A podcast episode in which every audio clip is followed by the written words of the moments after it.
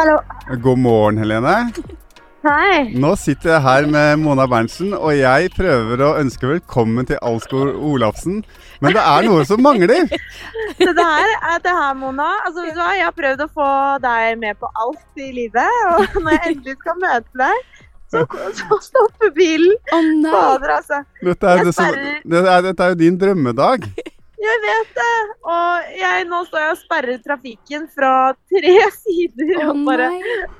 Oh. Meg. Er det, hva er det som har skjedd? Er det elektrisk bil, eller er det bare den ja da, det er en elbil. Så den uh, har konka. Så nå Ja. står jeg her og griner og venter på at politiet og uh, Viking skal komme. Og en liten baby i bilen, og Ja da. Så kaoset er Ja, komplett. Kaoset er komplett. Hvordan er deres mandag? Jo, altså jeg har det jo superbra. Jeg har gledet meg masse, jeg også. Men jeg blir jo bekymret da når du står der. Jeg kjenner den følelsen. Det er jo stress, men det er ikke noe du kan gjøre da, enn å stå der og blomstre, holdt jeg på å si. Nei da. Står Stå til, eh, står til pynt. Ja da. Ja. Folk er ikke så veldig irriterte eller noe heller, så det, det går fint. Nei. Jeg har sagt at du må begynne å trene litt mer og bruke rollerbladesene når du skal inn og lage podkast. Så det her føler jeg litt sånn eh, At kanskje du lærer noe, da. Ja. Ja. Ja, det gikk litt troll i år. Men det her er jo en god utfordring for deg, da, Thomas. Jeg regner med at du er godt forberedt og sånn. Som vanlig så er jeg kjempegodt forberedt uh, Ja. på mine ting, da, som jo er uh, mat og drikke. Så jeg har vært og handla litt uh, Wiener Pecan, og vi har litt godt drikke her. Altså, veld, veldig fancy for ut en morgen. Ja. Ja. Tenkte jeg sånn dere har det her på mandagsmorgen. Ja, det, Altså, det det er er det som er mitt ansvar i podkasten. Og så er det Helene skal egentlig ta seg av gjester og få og praten til å flyte, da. Så det her blir interessant. Det blir kjempebra.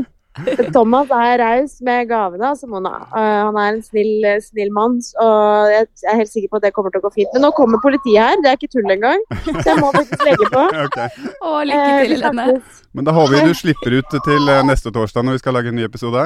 Ja, vi satser på det. Ha det. Ja. Ha det. det. Ha det, Mona. Ha det bra. Og det der er hat. Å, Å stå sånn i rushen og Uff a meg. There's never been a faster or easier way to start your weight loss journey than with PlushCare. PlushCare accepts most insurance plans and gives you online access to board-certified physicians who can prescribe FDA-approved weight loss medications like Wigovi and Zepbound for those who qualify. Take charge of your health and speak with a board-certified physician about a weight loss plan that's right for you. Get started today at plushcare.com slash weight loss. That's plushcare.com slash weight loss. plushcare.com slash weightloss. Verste trafikken, Ja. og med kid og stå der og være sånn, du kan ikke gjøre noen ting.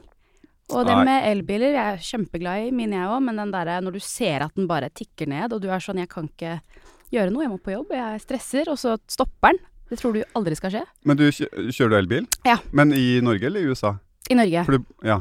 Eller ja, når jeg er i Norge så kjører jeg elbil, men i USA så har jeg alltid bare hatt sånn vanlig bensinbil. Men bor du i Norge, eller? Du, du nå har basen min flyttet seg mer og mer til Norge, Ja. så det var egentlig pandemien som skjedde. ja, ikke sant. Og så er jo min virksomhet veldig mye turné, så jeg også skjønte Altså, jeg skulle egentlig ut på turné rett før covid, så jeg var i produksjon Ja. og i trening, og så var jeg sånn Å, nå har jeg leid så mye leiligheter, nå skal jeg være litt flink og tenke nå skal jeg si opp den. Jeg er i LA hva da, to uker i løpet av to år på den turneen, ja. så da sier jeg opp den, og så har jeg ikke bolig. Og så kom pandemien, og da dro jeg jo hjem til Norge og tenkte også at det var greit å være i sitt eget hjemland når en pandemi skjer. Jeg vet ikke hva det helt betyr. Så Nei, ikke jeg heller. Men det var Ja. sikkert et et kanskje et tryggere sted å være enn eh, i LA, jeg tenkte med det. Trump. Men ja, var, det, var jo, det ble jo helt Når jeg ser på det i ettertid, så er det sånn Det ble jo et, to spesielle år der borte, så jeg er jo takknemlig for at jeg dro hjem. Ja. Men det var jo helt rart. Jeg trodde jeg skulle være hjemme hva da, som alle trodde, da. Sikkert sånn en uke, to uker, og så tilbake. Ja. Men så ble jeg her. Og så ble jo basen mye mer eh, eh, Ble også mer synlig for meg nå også at der jeg er i karrieren også, at det passer det. Og så reiser jeg jo ut herfra istedenfor. Så Ja. da kjører jeg elbil her. Så bra. Ja. Men du, Mona, du må fortelle litt eh, fra starten av. For her er jo Helene elsker jo dans, og hun har gleda seg til det her. Og for meg er det en litt sånn ukjent verden. Hva, ja. hvordan startet dette eventyret? Jeg har jo så mange spørsmål til deg, Thomas. Ja, men det Hvordan startet ditt Ja. liv? Ja, men du skal få lov å spørre. Det Ja. er hyggelig. Ja, nei, jeg tror Altså for meg så var det den typiske barnedrømmen som startet med sånn Det var sosialt og gøy som liten. Og så utviklet det seg ekstremt raskt at det var sånn Ok, hvordan skal jeg egentlig få tid til alt med skole og fotball og tennis? Og så måtte jeg tidlig begynne å velge bort. Og så tok det all tiden min, og så er det det jeg fortsatt lever av. Så det var sånn egentlig kort fortalt alt Ja. startet for meg, da. Men å velge bort, ja, det er ikke så enkelt. Nei, ikke i så ung alder, fordi det mm, Veldig mye av det jeg gjorde, var jo mest pga. det sosiale. Sånn, Ja. OK, var ikke noe god i fotball, men det var gøy å være på samling, og Ja. gøy å være med lag og sant? alt sånt. Og tennisen var jeg veldig glad i, men så spilte jeg korps, og så begynte jeg å danse organisert, og så ble jo dansen veldig tydelig at det var jo det jeg egentlig um, jeg trivdes veldig, veldig godt med tidlig, og det gjorde jeg jo hjemmefra òg, at jeg Mm. danset mye som barn. Var det, men var det kravene fra danseskolene, eller den uh, foreningen du danset Mm. i, som sa at du må bruke mer tid med oss? Eller var det bare at du kjente sjøl at jeg vil heller dette her? Jeg Det her jeg vil bruke ja, tiden i. jeg tror det ble et blanding. Det ble litt sånn at jeg fikk veldig um, fine muligheter tidlig. Det var lærere og, og trenere som så meg og var litt sånn OK, du skal få lov til å trene med de litt eldre, du skal få lov til å Og vi skal satse litt på deg, da. Og altså, de ordene tenkte jo ikke jeg på som så ung, men det ble veldig tydelig at sånn OK, dette liker jeg også, men nå får jeg også noen som pusher meg Ja. og, og gir meg utfordringer, og da vil jeg jo være med på det. Ja. Jeg ble kastet veldig tidlig inn i sånn yngst i rommet, må Egentlig dårligst i rommet òg, absolutt. Og så lære av all, alle rundt meg. Men den muligheten kom tidlig. Men hva var målet med dansen? da? Var det konkurranse? Nei, det har ikke vært konkurransedrevet for meg, og det har kanskje vært en show ja, og underholdning? Ja. ja, underholdninga, den biten der som jeg har satset på. Uh, selv om jeg føler i voksen alder så prøver jeg så godt å Selv om jeg ikke får noen medaljer for det jeg gjør, så prøver jeg så godt jeg kan å representere Norge og, på min måte, da. Men, eh, men som ung så var det mer det å, å eh, toppe meg selv, og det som er interessant med min type, hva skal man si, form for idrett slash kunst, er at det er en vanskelig målingsmåte når det ikke er konkurranser, fordi du har ingen som dømmer deg. Det er mer en sånn um, teknikkmessig, uttrykksmessig, hvor god kan du bli? Og det var vel det som var min største sånn ambisjon. Hvor god kan Mm. jeg egentlig bli? Det potensialet. Og det at jeg elsket det adrenalinet og den treningen og at det, Treningen, den der å gå fra å være dårlig til å få det til, den tror jeg jeg falt pladask for veldig tidlig. Ja. Og så er det sceneadrenalinet som Ja. jeg var sånn Det beste jeg vet. ja, du hadde ingen sperre på det? Nei, Nei. jeg var kanskje litt Du er min rake motsetning. For å si Er jeg sånn. det? Ja. Men du er jo litt på scenen, du har vært på scenen du òg. Det er på en måte det når man Det går inn. et, det var et helsike for meg å gå opp på, på scenen i en gymsal og ta imot premien når jeg var eh, Ja. guttunge. Og du trivdes ikke med det? Nei. Men du følte ikke det da? Altså når du går, har, har gått alle rennene du har gjort og alt det du har, da. Det er ikke en scene for deg. Nei. Selv om det da er TV, publikum, alt og alle øynene på deg, så er ikke det samme type. Nei, det har jeg ikke tenkt på i det hele tatt. Nei. Og ikke til kameraskrekk heller. Jeg Nei, kan kommentere for NRK. Jeg vet det er Ja. 1,5-2 millioner som hører på, men det, det, det tar jeg på en måte inn. da. Det er bare Ja. et kamera der. Ja. Og på ski, så med, selv på Lillehammer 150 000 tilskuere, så er det på en måte Jeg vet ikke, en annen greie. Mm. Men jeg var med på Skal vi danse, kom Mm. ut på gulvet der i koronatid, så det var begrensa ned til eh, 50 gjester eller noe sånt. Så er det bare panikk, og det er bare rullegardin rett ned, og alt, jeg, alt jeg har lært er borte. Ja. Men er det, tror du det også fordi at man Jeg vet ikke, jeg tror prøver å tenke på meg selv. Da. Det er, litt, er det litt sånn, for det blir så nakent når det da nummer én at det er 50, er mye verre enn 150, syns jeg selv. Ja, egentlig. Ja, Men er det også fordi at du Da blir du jo også bare Thomas, og ikke eh, Altså Langrenns-Thomas? Eller er det noe med det at det bare er en annen greie? Kanskje det er noe med at vi, når vi virkelig brenner for noe, eller har en sånn veldig Mm. kjærlighet og hjerte og sjel i det vi Mm. holder på med, så er det det som overstyrer Ja, alt, da. ja. Kanskje hvis du skulle ha gjort noe som du ikke egentlig behersker noe særlig, eh, så hadde du kanskje følt på den skrekken òg? Jo, 100 det er akkurat samme. Sånn Ja. for meg, scenen. Um, fordi det var sånn Da var jeg sånn Da fikk jeg sånn fin rullegardin, så jeg kan si det. Men Ja. sånn, da glemte jeg alt. Jeg tenkte ikke så mye. Nei. For jeg kan være veldig sånn Jeg tror ikke jeg er den snilleste mot meg selv. Jeg er ganske hard. Selv om jeg er Hva skal man si jeg, jeg, si, si at jeg er ganske blid og, og liksom Jeg er veldig sånn, men når det virker kommer veldig blid. du òg.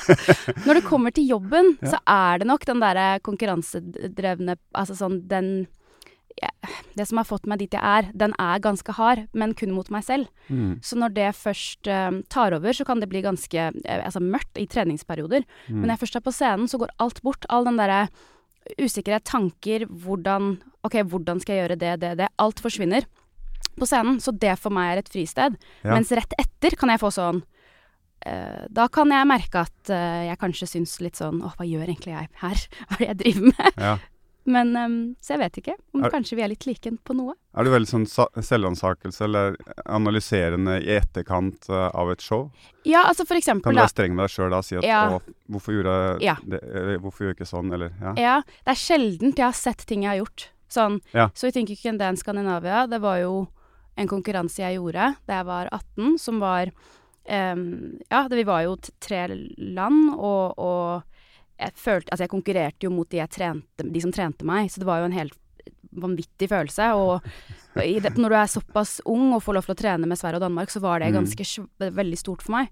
Så da eh, Det har jeg til den dag i dag fortsatt ikke sett i ettertid. Nei. Og det er veldig mange episoder, ekstremt mange ting, og det har forandret hele danse meg på grunn Altså, det var så mange jeg fikk lov til å trene med, ja. um, som jeg ikke hadde fått mulighet uten konkurransen. Men det har jeg fortsatt ikke sett på, det er 14 år siden. Jeg tenker litt at det der har forandra, fordi du er jo ikke så gammel som meg, da, men du er jo nå 32, Ja. 33, så du også Mm. vokste opp i en tid hvor det kanskje ikke var så vanlig. Det var ikke kameraer Nei. overalt eller sånn. Men se barn i dag, de er jo veldig vant til det. er TikTok, det er Insta-vis, Mm. det er alt mulig, og YouTube og de. Så de filmer jo hverandre, hverandre seg sjøl hele tiden, Hele tiden, hver dag. Det er det Ja, de gjør etter skolen da, og ser på. Ja. Så de har kanskje vokst opp med en helt annen sånn det, Ja, det er blir vant til å se seg sjøl, da. Ja, det er veldig sant. Fordi Ja. hvis det var kamera, så var det fordi det var jobb. Det var enten Ja. musikkvideoer eller scene eller å få et ah, det forholdet til kamera, sånn produksjonsmessig. Mens det å ha kavi hadde jo ikke Altså, jeg flyttet jo til LA før Inst... Altså, min første turné med Chris Brown var uten Instagram. Ja, Så hvis man sant. tenker på en sånn type verdensturné uten at Altså, vi tok bilde før premiere fordi hans assistent var sånn OK. Ja. Sånn, du vet, sånn familiebilde. Sånn OK, Ja. cheese, cheese, Ja, liksom. Og det er jo 2011. ja. Og det er jo ikke så lenge siden. Så du har helt rett i det. Det har jeg ikke tenkt på. Ja, Men de, de konkurransene som du var med på, eh, eller Stand Scandinavia, Mm. det, var det inngangen din til eh, å bli på en måte få det som et levebrød og bli proffdanser? Jeg tror det da ble veldig tydelig at nå må jeg ta noen valg, fordi um, jeg begynte jo, hva skal man si, kanskje å jobbe fra jeg var 14-15, men tenkte ikke på det da som jobb, fordi bor hjemme, mamma og pappa har eh, regler og retningslinjer, og jeg må gjøre leksene like bra som jeg gjør dansen. Det var mye mer sånn Ja. jeg satsa, for jeg sluttet jo på alt annet, og har ikke hatt noe sosialt liv som barn. Er liksom, eller hva skal man si? Jo! Vært sånn der alene. Viggo.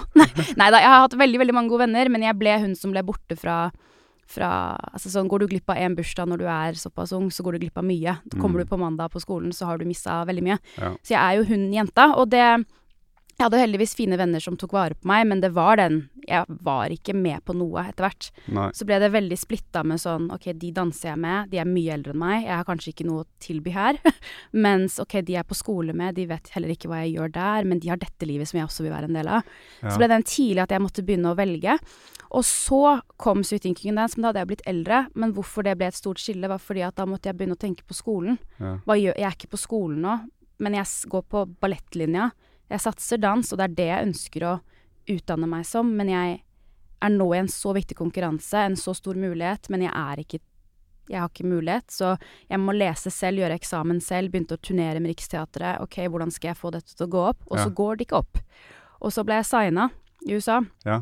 Og da var det største valget, og jeg satt så lenge, jeg husker med pappa, og var sånn elsker skolen, er det sånn man sier høyt fortsatt? Jeg var jo så glad i skolen. Nei, jeg har aldri sagt det. det sånn. Nei, men så Jeg var veldig sånn um, Jeg vet ikke om det er den derre flink pike-greia, men jeg var veldig uh, Skulle få til alt, da. Skal jeg først satse der, så vil jeg også vise at jeg får til alt sammen. Uh, hvis jeg først ikke fikk det til, så var det ganske tungt for meg, da. Fordi Mm. jeg hadde jo heller ikke Altså, døgnet har jo bare 24 timer. Mm. Og eh, selv om jeg skulle ønske at det var 48, og at man ikke trengte å sove så mye. men, eh, men da måtte jeg være sånn OK, skal jeg nå flytte til USA, jeg har blitt signa, da betyr det at jeg drar fra alt. Ja. Både hele eh, dansesystemet Jeg har nå blitt veldig ja, for da, da Ja. dro du aleine. med en koffert og en drøm, liksom, den typiske klisjégreia, til Hollywood, Ja, og men var det- litt sånn Det er et ganske tøft valg, da. Ja, og jeg tror nok pappa var en stor altså sånn, støtte i at han sa Men Mona, du har blitt signert, du er 19 år. Du må prøve. Du skal først gjøre dette. Du har brukt hele barndommen din på å trene på dette. Det er dette du vil. Du går skolen fordi du vil dette. Gjør det. Og går det ikke, eller trives du ikke, så kommer du hjem, og så gjør du skole da, hvis du vil det. Mm. Men den setningen ble så veldig sterk for meg, fordi jeg hadde veldig den derre Skal være flink hjemme, jeg skal være flink Mm. sånn. Skolen er viktig, har man jo hørt siden man var liten. Og så Ja. skal man ta bort et sånt valg, da, og gå og satse på dans. Ja. Og en så stor hva skal man si, sport, kunstverden i en bransje som er veldig sånn Som ingen kunne hjelpe meg med. Foreldrene mine, trenere. Ja, så virker Ja. den ganske sånn kynisk og uforutsigbar. Jeg tenker, jeg sleit også med det valget etter videregående, som Mm. jeg knapt var innom, da. Men da måtte jeg i hvert fall ta et valg. Skal jeg begynne å studere nå, eller skal jeg kaste meg på det idrettstoget og satse Ja. alt der? Ja. Eh, og så gjorde jeg det, og da tenkte jeg jo litt sånn at ja, skole, skole det, det tilbudet er jo der, og det vil jo være Mm. der om ett år, om fem år, om Mm. ti år. Jeg kan Mm. alltid gå tilbake til det, da. Mm. Men selv da, for meg så tenker jeg idretten er jo sånn Hvis jeg bare gjør jobben og er flink nok og leverer resultater, så er jeg jo med, da. ja. Mens i den bransjen du velger, er det kanskje ikke så enkelt. Det er ikke bare å være flink nok heller, det er masse andre ting, da. Og så er det mye kynisme og misunnelse og masse som gjør at man Mm. plutselig kanskje bare er ute av en eller annen rar grunn allikevel. Jo, du sier det akkurat som det er. Det er sånn du traff Hva heter det? Nålen Nei, spikeren på hodet. hodet. Jeg kan, kan ikke snakke norsk mer. Du vet sånn man traff sånn spikeren. ja, spikeren på hodet, ja. Fordi at det er en Nettopp fordi det ikke alltid er på resultater og medaljer. Sånn er du best, så er du best. Ja. Kommer du først i mål, så er du best. Ja, det er jo utrolig Ja. deilig. Ja, det er jo det, for Ja. det er ikke noe du trenger ikke å snakke med så mange heller, egentlig. Nei. Tenker jeg i mitt hode sånn Du trenger kanskje et Hvis jeg ser for meg dette riktig, da. Jeg trenger ikke å bli likt, jeg trenger ikke å være sosial. Du trenger ikke å sette pris på meg som menneske. Jeg kan bare være god, Mm. og så er jeg der. Ja, egentlig. Og selvfølgelig lagsport funker kanskje annerledes, det er jo en dynamikk som må fungere, men driver man med, med sport altså sånn, en- altså, som du har gjort, så trenger man ikke alt det rundt, og det eh, Med mindre man vil, men i min bransje så er det Alle er flinke. Ja. Drar du til Hollywood og du kommer inn på en audition med 800 jenter, så er alle gode, fordi alle er signert. Og så skal de ha fire. Ja. Og så Hva gjør du da? Nei, det I starten så var jeg jo kjempeforvirra. Da var jeg sånn Kommer inn som norsk jente og steller meg i kø, har med matpakke som ingen har sett før. Med brød med brunost? Ja. Og med sånn mellomleggspapir jeg hadde tatt Ja. med fra Norge, for det har de ikke der. Altså, helt, jeg blir så flau når jeg sier dette, men jeg hadde Nei, det det, og åpna opp, og så Ja. var det Jeg husker det så godt den første audition, og det var januar, og jeg syntes jo det var kjempevarmt. Jeg satt ute i singlet og satt inntil solvegg, altså sånn, og spiste brødskiven min, og alle så så rart på meg, og ingen snakket til meg, for jeg var jo en ingen. Det var ingen som visste hvem jeg var. Mm. Og den følelsen av um, å virkelig være sånn liten fisk i et svært hav, Mm. var veldig tydelig, og det eh, Jeg kan heldigvis smile og le av det nå, men når jeg var der, var der, så var det ganske mørkt en lang stund, fordi den em, Jeg måtte virkelig lære meg å være alene og ikke ensom, fordi en lang periode var jeg ensom, for det var veldig sånn Jeg har ikke noen å snakke med, bare på en vanlig sånn em, hverdagsting. Sånn Hei, har du det bra? Nei, ha, bra. Familie, venner, Mm. mamma og pappa. Alle de tingene, da. Mm. Mens eh, det som jeg også måtte lære meg, er at det nytter ikke bare å gå inn der og danse. Nei, det var ikke det jeg gjorde. Jeg gjorde jo bare det. Jeg gjorde ikke så mye annet. Jeg, jeg prøvde alt det andre som jeg Mm. skjønte at man måtte her. Agentene mine sa tydelig sånn Kanskje du skal prøve det, du må kle deg sånn og sånn, du må være sånn og sånn, lær deg elevator presentation. Og jeg var sånn, hva betyr det? Jo, du skal kunne presentere deg selv og selge deg selv fra en etasje til en annen. Og jeg Ja. var sånn I'm Norwegian. We don't do that. Hvis du skjønner? Vi sånn. vi snakker ikke med andre. Vi snakker ikke med andre, og vi er i hvert fall ikke snakker om oss sjæl. Sier Nei, du hei til nei. noen, sier du hei, jeg heter Mona. Man skal i hvert fall ikke skryte av deg sjøl. Og du er helt unaturlig å si hei, jeg heter Mona, jeg gjør det, det, det, det. Det er veldig rart. Ja. Vanligvis sier du jo hvis du hilser på noen, så er det hei, jeg heter ferdig. Men lærte du av det etter hvert? Nei, jeg gjorde Nei. ikke det. Det var en stund jeg var sånn, ok, hva skal jeg si? Jeg fikk det jo, jeg fikk meg ikke til å si det. Det er rart, hva skal jeg, var ikke noe å komme med, jeg er 19 år, flyttet fra Norge. Hei, hvis du skjønner, jeg har ikke noe annet. Men det jeg prøvde på, var sånn, ok, jeg må se ut som et eller annet. Prøvde å fikse det og gjøre som de andre, og min første audition, jeg kommer jo inn i treningsklær og tenker at alt det andre, det staffasjen, kan jo de fikse, tenker Ja, jeg. ja. Mens jeg skal jo bare danse, og har man det, så kan de gjøre alt annet. Men det skjønte jeg jo tidlig at i Hollywood så er det noe som heter camera ready. Du skal komme liksom sånn som du var på Skal vi danse. Du skal komme sånn. Mm. Uten sminke, kostyme. Du skal være sånn. Og jeg er jo ikke typen. Jeg er jo en sånn svett danser i studio, hvis du skjønner. Det er det jeg Ja, det er idretten Ja. for deg. Ja. lever i treningsklær. Det er ikke noe annet. Og jeg var heller som ung også, jeg var ikke noe flink. Og jeg er ikke interessert i det. Sminkeklær, jeg hadde ikke var null interesse. Og da var det vanskelig. Den derre prøve og prøve, altså sånn hvor jeg skulle kjøpe sånn hadde sett alle jentene på audition, og de var jo så flotte. Og så var jeg sånn Gud, skal jeg også gå og handle sånne klær? Gikk jeg og kjøpte sånn fishnets og så masse greier. Og så var jeg sånn eh, Klarte jeg ikke å danse. For jeg var sånn Det her er jo helt rart. Og at jeg har gått og kjøpt og tatt på meg og gått ut døra, liksom. Jeg var jo helt kjempeukomfortabel. Som ung jente, 19 år da, så ble det veldig Eller 20. Så ble det også veldig sånn um, Et sånt press som også var sånn OK, jeg er ikke pen nok, fin nok, Mm. god nok. Eh, og ble, plutselig så var fokuset på veldig mye annet enn dansen, og jeg var veldig dårlig på det. Ja. Så jeg måtte mm, Jeg traff veggen totalt, og så ble fokuset var sånn OK, men hva er det egentlig jeg vil og kan? Og det er dansen, og da ble all fokuset på det. Og det var, jeg, jeg er så takknemlig når jeg ser tilbake nå, at det var da jeg fikk jobber, og ikke omvendt. Da jeg prøvde å være noe jeg Ikke var. ikke var, og heller ikke var komfortabel med, og fokuset var på noe annet. Og at Ja. jeg da hadde fått en såkalt bekreftelse på at å ja, nå er du god nok fordi du har tatt på deg Eller ja, det er i hvert fall feil eh, intensjon bak det jeg prøvde å gjøre. Hendte det at du angra i den perioden, i starten? Ja, jeg var veldig sånn Hva er det jeg gjør? Det her er jo altså min egen integritet, respekt for det jeg har trent, altså alt. Og så begynte jeg veldig mye med sånn Alle de som har tatt seg tiden til å trene meg, brukt tiden på å bruke sin kompetanse på å gi meg en mulighet, fordi jeg føler generasjonsmessig så får du jo flere og flere muligheter jo mer tiden går, og det at mine trenere eh, ikke hadde samme mulighet som meg, men så at jeg hadde muligheten og ga meg alt det de kunne, Mm. det var jeg sånn Nå har jeg fått sjansen. De kunne fått det om dette var deres tid, og nå må jeg prøve å gjøre det for alle. På en måte Mm. For de som har brukt tiden på meg. Og da var jeg sånn, da kan ikke jeg drive og hvert fall ikke med den intensjonen og det jeg prøvde å gjøre. Det ble helt feil. Så jeg er så takknemlig nå når jeg ser tilbake at det ble Det var på grunn av dansen, fordi det er, man kaller jo, liksom, kaller jo LA litt sånn City of Lost Angels. Man kommer med en drøm, og så blir den ødelagt og knust fordi det begynner å Du mister lidenskapen for det du gjør. Ja. Og jeg tenker at i nesten all Altså, tror jeg, da, konkurransesport, all type idrett, kunst Hvis du ikke har lidenskap og kjærlighet i bunnen, så orker du ikke, for det er for mye, det er for mye press. Og det er hardt, og det er ensomt, og det er et, et spesielt liv for de sære. Jeg er jo en sær dame. Det er ikke sånn, Jeg er jo en rar, gæren kunstner. Nei, man blir jo det når man fokuserer så mye på, på én ting. Og, og, men jeg hadde aldri holdt ut hvis ikke jeg trivdes med det, og elsket dansen. Mm. Så jeg er så glad at det gikk tilbake den veien. Du sier kun, jeg tenker du på deg sjøl som kunstner? Ja, jeg vil vel si det, men så er det jo en Jeg føler jo at dans Det, det er så mange veier du kan gå.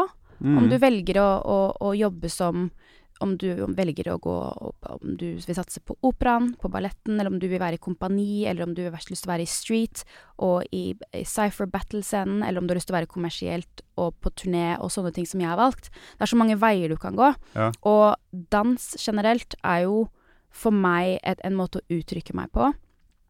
Sånn lage, bygge opp setninger og fortelle en historie blir jo for meg Det er jo dansen som er der. Men i hvilken grad får du gjøre det når du da er med f.eks. Justin Bieber, som kanskje Mm. er det du er mest kjent for? Eh, hvor mye kreativitet får du Hvor mye av deg sjøl får du lov å ta inn på scenen da? Er det, Mm. er det opp til deg, og er du og dere danserne med og bestemmer det, eller er det noen som sier 'sånn her vil jeg ha det'? Det er et veldig, veldig godt spørsmål. Det som jeg føler jeg har vært veldig heldig med, med både Bieber og Madonna Timberlake, de jeg har jobbet lengst med, og, og Brown, er at det er veldig danseheavy show, og det er veldig det jeg har trent på. Ja. Så jeg har vært heldig med at de sjefene jeg har hatt, er det jeg har gått inn for å virkelig spesialisere meg på. Um, kommersielt, opptredenmessig og, og teknikkmessig og dansemessig, stilmessig. Så jeg har vært veldig heldig der, så jeg føler meg involvert.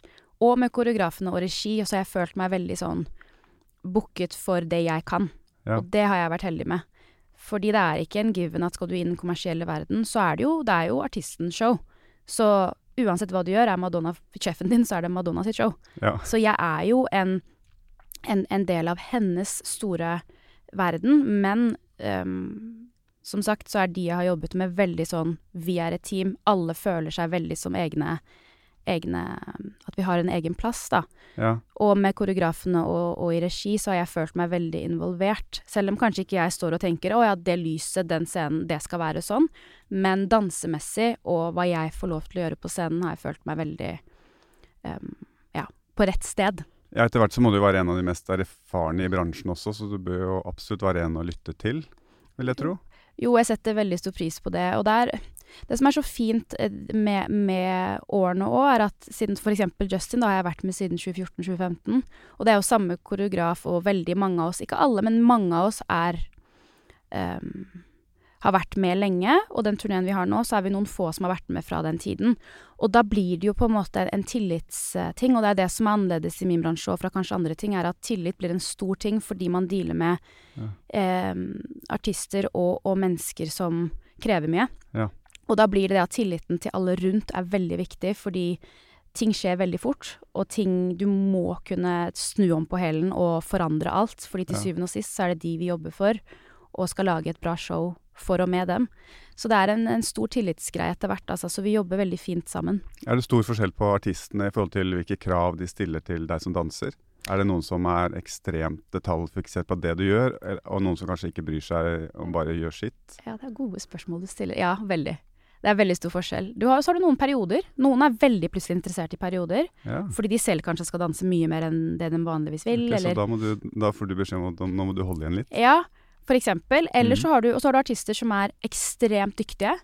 Og da må du, sånn som Chris Brown eksempel, vi mm. kaller jo han den, den best betalte danseren som fins. Fordi han er så god danser, danseteknisk, ja. at danser du for han, så må du virkelig uppe gamet ditt fordi han er så rå. Ok, da, da, da, gjelder det å henge med, på en måte? Ja, og det er, det er gøy, fordi han, han, kan trene på en måte som vi trener. Ja. Sånn stå teknisk og stå og trene på én spes som vi dansere kan stå og gjøre, er én teknikkting kan vi stå og trene på dritlenge. Ja. Og da joiner han, for han har så veldig lyst til å, å være med på det. Og så, og så er det andre som kanskje ikke er Som egentlig ikke er en, en, artist skal jo være god på veldig mange andre ting, mens vi dansere skal kun være god på det. Så vi har jo ett felt vi skal briljere på, og så skal de gjøre Det er jo sangen de skal være best på. Ja. Så de trenger ikke å være like teknisk som, tekniske som vi er men noen vil det. Så har du f.eks. en som Madonna, som er så detaljorientert på alt. Det er sånn Ja, men, og det er så ja, fascinerende. Man har lest mye om det, men jeg vet ikke ja. hva som er reelt, da. Å ja, hun er altså sånn Håret mitt på trening skal være på en viss måte.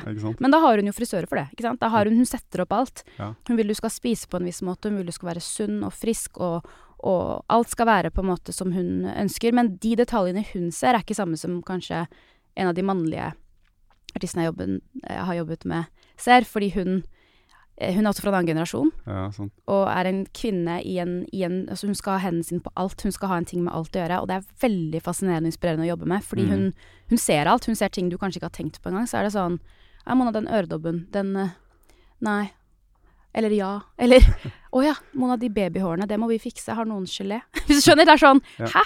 Vi er på trening. Men hun er helt Hun er så men Det kan sikkert være slitsomt, men det må jo også være veldig inspirerende fordi du blir jo sett, da, og det er det man mm. vil. Ja, du kan ikke gjemme deg for henne, og man blir sett, og man blir veldig sånn Hun er jo en av de som kan navnet på alle i studio. Mm. På lysmann, lydmann, um, kostymekvinnemann, altså alt. Hun kan alles navn, og nesten hvem du er, på en måte. Så ser hun også tvers gjennom Altså hun ser rett i øynene dine og føler altså hun ser sjela di. mm. Men hun er um, ekstremt fantastisk å jobbe for, sånn Fordi det jeg sier ofte, da, er at når du jobber med I det yrket jeg gjør, så har du jo en gjeng nerder i et rom. Det er jo en sånn Trommisen er en som har vært på barnerommet, og ja. virker, har du blitt én trommis for den artisten, da er du ja, så jeg har sagt før jeg kan si det, men uh, normale mennesker får ikke til noe her i verden. Hvis du skal bli best i noe, så må du være en raring. Ja, jeg også er litt ja. sånn, man blir litt Du blir rar, men du også er rar fra før av. Ja. Fordi det å fokusere så mye på én ting, og tenke at nummer én, du blir ikke lei, men du blir også Du skal presses, du skal gjøre. Ja. Man blir jo rar. Ja. Og så setter du mange sånne mennesker i et rom. Altså, vi som turnerer sammen, er jo en gjeng kjemperare folk. Ja. jeg liker du, da. Men det er jo det, er jo det, det blir. ja, det må hylle, må hylle særhetene. Men det er jo For vi leser jo i, i, avisen så er det jo om disse store stjernene er jo vanskelige og sære og, og umulige å jobbe med og alt sånt der, da. Men det er jo gøy å høre at det er jo det er jo fagfolk mm, som virkelig eh, legger sjela si i det de driver med, og er opptatt av alle detaljer på alle plan, og, ja. og kjenner teamet sitt og er opptatt av teamet sitt. Mm, absolutt. Og det igjen, da. Nå har jeg vært veldig heldig med det jeg har jobbet med, og jeg er veldig glad jeg kan si det. Mm. Fordi det hadde vært Jeg har jo noen kollegaer som ikke har de samme historiene. Og da er jo det veldig synd, når du satser så mye på noe og gir så mye av deg selv og ønsker å, å gi alt til et team, og så får du ikke den følelsen. da, Så er noen skrekkhistorier der ute fra kollegaer, men jeg er veldig glad at jeg ikke har hatt de. Ja. Men, eh, men, bransjen krever jo mye. Det krever mye altså sånn ting, men, men, som jeg har sagt hele tiden, da, at det er dansen jeg håper å bli sett for. Ja. Og det er det jeg eh, vil anerkjennes for i et team. At det er det jeg Ja. Men det må jo være tøft, eh, sikkert, fordi når det er på konserter når det er show, det er jo artisten, som du sier. Det er, mm. han, det er han, eller hennes uh, greie, og det er jo mm. det som på en måte du er der for å mm. fylle inn i showet og være med på å bygge opp. da. Mm. Du kan gjøre verdens mest fantastiske prestasjon uh, den kvelden, mm. men det er jo artisten som får 99,99 ,99 av oppmerksomheten. Absolutt. Og det er der den derre at det ikke er medaljer, og ja. ikke, ikke sånn det, det, er en klapp på skulderen. Jeg tror kanskje det er derfor jeg heller aldri har Heller gitt meg selv sånn Å, nå har du gjort det, eller ja. Det er verdt Fordi det, det, blir så veldig sånn et, nesten et race mot deg selv. Fordi i, min, i mitt yrke òg så er det jo synd, men det er veldig sånn du har ikke gjort Du har ikke fått jobben før du har gjort den. Mm. Omtrent. Fordi man er i eh, Skal du gjøre Superbowl, da, så kan du bli booka til det, men så mm. kan det være en liten ting som skjer, så har du mista jobben. Ja. Eller så kan det være budget cuts. Altså de ikke, plutselig skal de skifte noe, de skal forandre noe. Ja. Det er bare du har, ikke, du har, ikke, noe kontroll, og det er også en veldig skummel og veldig um, lei greie som jeg måtte lære tidlig. Den derre ha tjukk hud og tenke sånn Så lenge jeg gjør det beste jeg kan, så kan ikke jeg kontrollere det som skjer rundt. Men det er også er vanskeligere i praksis enn det det er å si, på en måte, fordi man er jo dedikert, og man vil jo da gleder du Du tør nesten ikke glede deg til noe. Nei, jeg skjønner. Har du booka Grammys, så tør du ikke å glede deg til det før mm. du er mm. ferdig. Fordi du vet at alt kan skje. Mm. Og så har det dessverre vært, vært i, i, posisjoner hvor eh, jeg har sett kollegaer miste jobben for noe helt som ikke har noe med dem å gjøre. Ikke mm. noe med det faglige de gjør. Og ikke noe med personlighet heller. Det kan være en, en vibe. Mm. At de ikke trives med mennesket, eller liker ikke at det og det, eller Det er så mange ting som skal stemme, da, og det blir vanskelig. Ja, det, det jeg tenker at det må være veldig frustrerende og vanskelig. Ja. Men har mm. du tenkt noen ganger sånn at vet du, nå er jeg bare møkklei av å få alle andre til å skinne. Nå, mm. Når skal det bli mitt show? jo, vet du hva. Jeg, jeg, tror, jeg, tror, kanskje det har blitt litt annerledes. For det er mer sånn um, Det å være en, en bakdanser, men i settinger hvor jeg får jobbe med artister som ikke får meg til å føle meg som en bakdanser, men som får meg til å føle meg respektert og, og, og, og ser meg ja. for det jeg er. Det har vært det viktigste, og det har jeg gjort. Men det begynner å bli kanskje at behovet blir for noe annet. At, jeg, at det ikke er nok mer, kanskje. Så jeg er nok i, i en fase i mitt liv nå, som 32-åring, hvor jeg tenker mye på hva skal fremtiden være? Og hva ønsker jeg at det skal være. Fordi turnélivet og det arbeidet jeg har valgt, er jo, hva skal man si 280 reisedager i året. Det er ikke familievennlig. Nei, det er ikke familievennlig. Og så er det litt den prioriteringen det begynner å forandre seg. Jeg har lyst til å kanskje gjøre noe som er større enn meg selv etter hvert. Ja. Men det blir jo interessant å se hva, fordi du kjenner deg kanskje veldig igjen med den, den følelsen av at um, Neimen, hallo! Neimen, der er hun! Hvordan gikk det? Velkommen til Alsgaard Olafsen. Hei, Mona. Så godt å se deg. I like måte. Hei, meg. Hei. Å, du stoppet helt av. Hvordan gikk det? Fikk de taua, eller hvordan? Du, nå har politiet kom, sperret, eh, og Viking kom. Og sa nå kan du dra, så da dro jeg. Da løp jeg. Du har ikke håndjern på deg? Hva sa du? Du har ikke håndjern? Jeg har ikke håndjern. Nei, det er heldigvis ikke kriminelt okay. å bare Å sperre rushtrafikken er ikke kriminelt. Søren, altså. Men jeg hørte, jeg sto, hørte det bra. Det her går jo fint da, Thomas. Nei, jeg, det er Mona som eh, tar ski her. Ja, det er det, ja. Jeg prøver å henge nei, på, jeg. Nei, jeg bare sitter og Jeg spør jo så fine, gode spørsmål. Som han gjør? Ja, veldig. Men det er jo så hyggelig. Altså, se på dette bordet mandagsmorgen, og bare så lenge stakkars du har det bra. Ja, nå kan det ikke bli bedre. Nå tenker jeg, nå er vi i flytsone her, eh, Mona. Nå er det flytsone. Ja.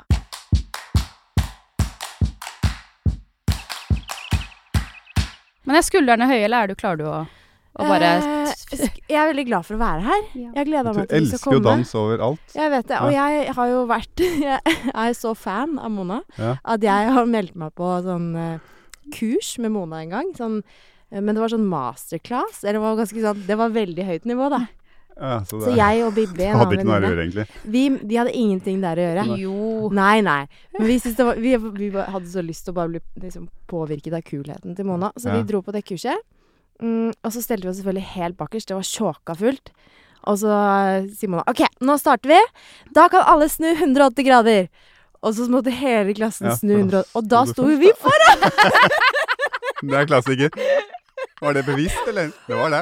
Jeg tror ikke jeg tenkte på det. Vi sto kanskje bare en annen vei, og så Ja, var speilet det er- er innmari kult triks. Jeg vet det er noen som bruker det sånne, Ja, når det er å sånne treningstimer og alt sånt der. Det Ja. er alt, noen som alltid går bakerst og liksom skal være Ja, så. Det er kult. Ja, det var ikke det så kult. Stakkars Bibi har danseangst fortsatt. Ja. Nei! Åh, men det var så moro at dere kom. Ja, vi hadde det Jeg ble jo så gøy. glad. Men er det nå du vil at jeg skal si uh, for hundrede gang at du har vunnet Skal vi danse, så for deg så Nei, var det, Jo. det trenger du ikke å si nå. Du er jo veldig stolt av det. Ditt, jeg. Å, herregud. Ser du på Skal vi danse? Det gjør jeg. Ja. Jeg så deg faktisk på Jeg var i salen Var du? forleden. Ja, jeg bare fikk ikke Du var jo så opptatt. Jeg fikk Ja da, ikke det går litt i ett. Det går i ett. Ja, men det var var veldig flink. gøy. Veldig gøy Men, men du har en del sånne dansetimer og sånn for eh, folk, har du ikke? Du, det er eh, Ref det vi egentlig snakker om nå, er at det blir jo veldig mye av det jeg ønsker å gjøre framover òg. Fordi at med tiden for meg som er nå, da jeg da er låst til kontrakter og sånn, så har jeg ikke så mye tid. Det er bare Ja. Jeg er ikke så mange steder på, på å si, lenge nok på ett sted. Så jeg håper framover at jeg kan bruke mer tid på, på å undervise. Jeg er veldig glad i det. og Du er kjempeflink til det. Kjempeflink. Nei, jeg syns det er helt fantastisk, og det kommer nok fra mine egne trenere at jeg ser hvor viktig de har vært for meg. Den Ja. der, um, hvor, hvor stor del av min karriere de er. Ved alt, og jeg er veldig stolt av det, å si at jeg trente Det var ikke som at jeg dro til USA og ble god, jeg ble god her. Og det er jeg veldig stolt Ja. av å si. Jeg ble god i Norge. Jeg ble signa herfra. Så jeg er veldig sånn åh, kan jeg ha noe med noens liv å gjøre òg? For Ja. det er det også ikke bare det er for meg, den derre Ikke bare hvor hvor uh, mye de påvirket potensialet mitt, men også på personlig plan. For det blir på en måte Jeg har foreldre hjemme som er mine autoritære personer, og som barn, når du først får noen du ser opp til fordi de er gode på noe du liker, så blir det veldig fort at jeg var sånn OK, hva enn hun eller han sier, gjør jeg. Hvis du skjønner? Ja, ja. Ble veldig sånn OK, hun sa det, nå Ja. skal jeg ikke gjøre det, eller og jeg syns det er så Ja. vanskelig å jobbe med, med barn og unge. Ja. For de sluker alt jeg sier rått. Ja, ja. Ja, ja. Alt, så jeg må, ikke sant? jeg må være så utrolig nøye på å, å Ja. overveie alle ord hele tiden, Ja. for det bare går rett inn, da. Ja. Det er så skummelt. Det er mye lettere med voksne, for jeg kan si hva som helst. For jeg vet at de bare, de bare plukker Ja. ut det de har lyst til. De har sin egen personlighet. De kan på Ja. en måte, Du har ikke det ansvaret, men for barn For jeg var også hun. Hvis treneren kom med en sånn genser, så kom jeg sånn dagen Ja. etter. Eller hvis hun sa det, eller Og jeg hadde jo en trener altså det, blir, det ble så tett med dansen òg, for det er den derre eh, Hvilken rolle de tar. Og jeg hadde jo trenere som tok veldig sånn, stor, sånn storesøsterrolle òg. Mm. Jeg husket en gang hun ene sto utenfor eh, studio og røyka. Så sa hun du skal gjøre som jeg sier, ikke som jeg gjør. Ja. Ja. Og den setningen sa hun så mange ganger, i veldig mange ting. Og jeg turte jo aldri noe annet enn å være på en måte alt Siden har ikke du røyka en ja, aldri. Nei, nei, jeg turte ikke. Og den setningen var sånn Det bare ble der, fordi at da, da skuffer jeg, ikke sant. Jeg skal vise. Ja. Men det ble en annen type sånn autoritær person. Altså alle trenerne mine, da har jeg hatt mange, og noen har jeg vært liksom trent med en måned, noen var i flere år, så det er litt sånn Men de har hatt like mye impact i mitt liv sånn um, hvordan jeg både er som menneske, men også som danser, da. Og det Mm. har jeg tenkt sånn Å, tenk å ha en del av noens ja, liv og kunne gjøre noe for, Ja, det det. noe, da. Hvis det kommer en eh, ung jente Signifikant andre. Jeg kaller det dette på ja, lærerhøgskolen. ja, ja. Hun er utdanna, vet du. Hun har Ja, så mye Nei da, bare, det, bare sånn halvlært. Hvis det kommer en ung jente eller gutt til deg 14-15 år og sier Mm. Vet du hva, jeg har lyst til å, å gå i dine fotspor, jeg har Mm. lyst til å danse på de store scenene med de største artistene. Hva sier du da? Hvor mye liker du å danse? Hvor mye er du egentlig villig til å trene dans? Ja. Mm. Fordi hvis du ikke liker dansen nok, så holder du ikke ut. Sorry. Det, sorry, men det er sånn Det holder der- ikke bare drømmen om å få reise med stjerner. Nei, nei, nei. Det holder ikke. For det er da er spørsmålet mitt, som jeg har sagt til flere elever òg, som hva er intensjonen din med det? Og Mm. hvis svaret ditt er Eller sånn egentlig jeg har hatt elever, og i masterklassen også, og hatt spørsmålsrunder, og noen spør meg hvordan fikk du jobben for de og de og de, og du ikke spør meg hvem jeg har trent med, når jeg er i Norge, så blir jeg sånn OK, men da har fokuset nå Og det, har, det er ikke noens feil, men det er samfunnet vårt nå, føler jeg. Ja. Og spørsmålet om hvordan jeg jobber med de jeg jobber med, det, det er legit å spørre om. Mm. Men da skal du, syns jeg, i samme måte å spørre, lure på hvordan jeg har trent. Mm. Fordi det er jo dansen jeg har fått jobb Altså det er det jeg gjør. Mm. Ikke Altså det at det er resultatet. Det er et valg jeg også har gått for å, å, å gjøre. Mm. Men, men det er ikke det som gjør at man um, Altså jeg hadde jo vært like god uten, hvis du skjønner, sånn Ja. dansemessig. Men det handler om hvilke valg man tar. Men jeg syns bare det er en interessant Mm. verden, da. Og så er det det kanskje jeg hadde sagt til en 14-15-åring. 100% hadde jeg sagt hvor mye liker du å danse og trene. Ja. Og er du ok Altså så hadde jeg sagt sånn som jeg kanskje skulle ønske at man snakket mer om, er den psykiske delen ved å være en utøver. Fordi vet jo dere alt om. Du kan trene og være god, men det er veldig få som snakker om hvor Altså, psyken din må være så um, som vi har snakket om, litt sånn rar. Nei da. Du må trene opp psyken din veldig, fordi ja. den er like mye på spill som det talentet ditt er, eller potensialet ditt er. Men det er en uh, forventning, uh, en større grad av forventning hos unge i dag om at ting skal komme lettvint ja. enn det var når, i hvert fall når jeg var ung. Mm. Det var uh, heltene, eller idolene og forbildene Heltene og idolene og forbildene våre var jo på en måte de som virkelig hadde mm. kjempa og jobbet over lang tid, og så mm. til slutt lykkes. I dag er det sånn du kan bli Insta-famous ja. på bare for at du har vært gær gæren nok, eller dum nok. Ja, ja. særlig dans òg, da. Altså, TikTok, eh, Folk som danser TikTok-danser, har jo flere følgere enn liksom ekte Ja, og det er et, et, svært tema vi snakker mye om, fordi fantastisk at det har blitt veldig mye eh, lav, altså lavterskel for dans, og at det har blitt mer at flere danser. Og, men, men det, i, i, min tid også som ung, det var jo lang tid før jeg kalte meg selv profesjonell, dans, profesjonell danser. Mm. Ja. Jeg kalte meg selv aspirerende danser selv da jeg jobba, mm. fordi det var så mye respekt bak ordet profesjonell danseutøver, og alle før meg, alle som jeg så opp til, og husker jeg noen av mine første auditioner da jeg kommer inn, og jeg vet navnet på nesten alle, fordi mm. jeg har gjort historieresearch, fordi at det, det, var vår verden. Jeg kunne ikke søke på Instagram eller Google og se det. Mm. Jeg måtte virkelig dra dit for å se det. Ja. Og hvis ikke så fikk du ikke oppleve det. Og det var den følelsen også med USA, for jeg begynte å trene i USA da jeg var 16. Nettopp fordi hun treneren som um, sa 'gjør som jeg gjør, ikke Nei, gjør som jeg sier, ikke som jeg gjør', ja. tok meg med dit. Ja. Men da var jo um, mitt første møte med, med USA og dansen da var jo et sjokk, for jeg hadde bare sett på så vidt på YouTube, og så kommer du inn i et rom, og så ser du at Oi, det er så hardt, og alle er på et nivå som er sånn du drømmer om i film. Sånn man så på You Got Served og mm. Honey og ja, alle disse filmene som ja. barn, ikke sant. Og så, man, og så, står de samme danserne der, og så blir du sånn Aner ikke hva du snakker om i de filmene men ja. ja. men så hvis du ser for deg liksom de rennene du har sett, da, og de løperne du har fulgt, og så plutselig står du i rommet med dem og skal trene med dem, og så har, har, du ikke gitt sjans, men du bare merker at skal jeg gjøre dette, så må jeg Da burde jeg vært Jeg burde være dårligst i et rom. Jeg burde, jeg burde nesten aldri være best i et rom, men det var en mantra jeg nesten fikk som ung. Mm. Er du en av de bedre i rommet, så er du i feil rom. Du må mm. være i et rom hvor du er dårligst, for ellers så blir du ikke bedre. Mm. Men det er kanskje fordi, ikke sant, gæren, rar, rar dame. Nei, men jeg syns det er bra du sier det, og det er veldig nyttig å høre også, fordi det er jo lett å tenke kanskje hvis, ja, hvis du tar en, uh, legger ut en dans på TikTok, eller mm. også, også, av en eller annen grunn så går den viral, som det heter, mm. eller den tar av litt sånn. Og mm. det er ikke neste steg Da er ikke at du står på en scene i LA, liksom. Nei. det er noe Nei, ja, ja. Det er ikke så enkelt. Eh, hvordan har du trent, Amona? For det er jo, dans er jo Det finnes ikke noe oppskriftsbok der heller, uh, og du har kanskje vært heldig med de trenerne mm. Eller ikke nødvendigvis heldig heller, du har kanskje oppsøkt de. Jeg har ikke vært i første del av samtalen, men, men uh, hvordan har du hvordan har du trent? For det må jo være en sånn nysgjerrighet og en vilje til å på en måte uh, utvide og utforske, vil jeg tro. Ja, jeg tror nok det har vært blanding av, av at jeg selv har, har villet, men også det at jeg tror jeg også var heldig med tiden og lærerne jeg hadde, fordi vi var fortsatt i en generasjon hvor det var beinhardt, og det var Hva skal man si hvordan skal jeg si dette riktig?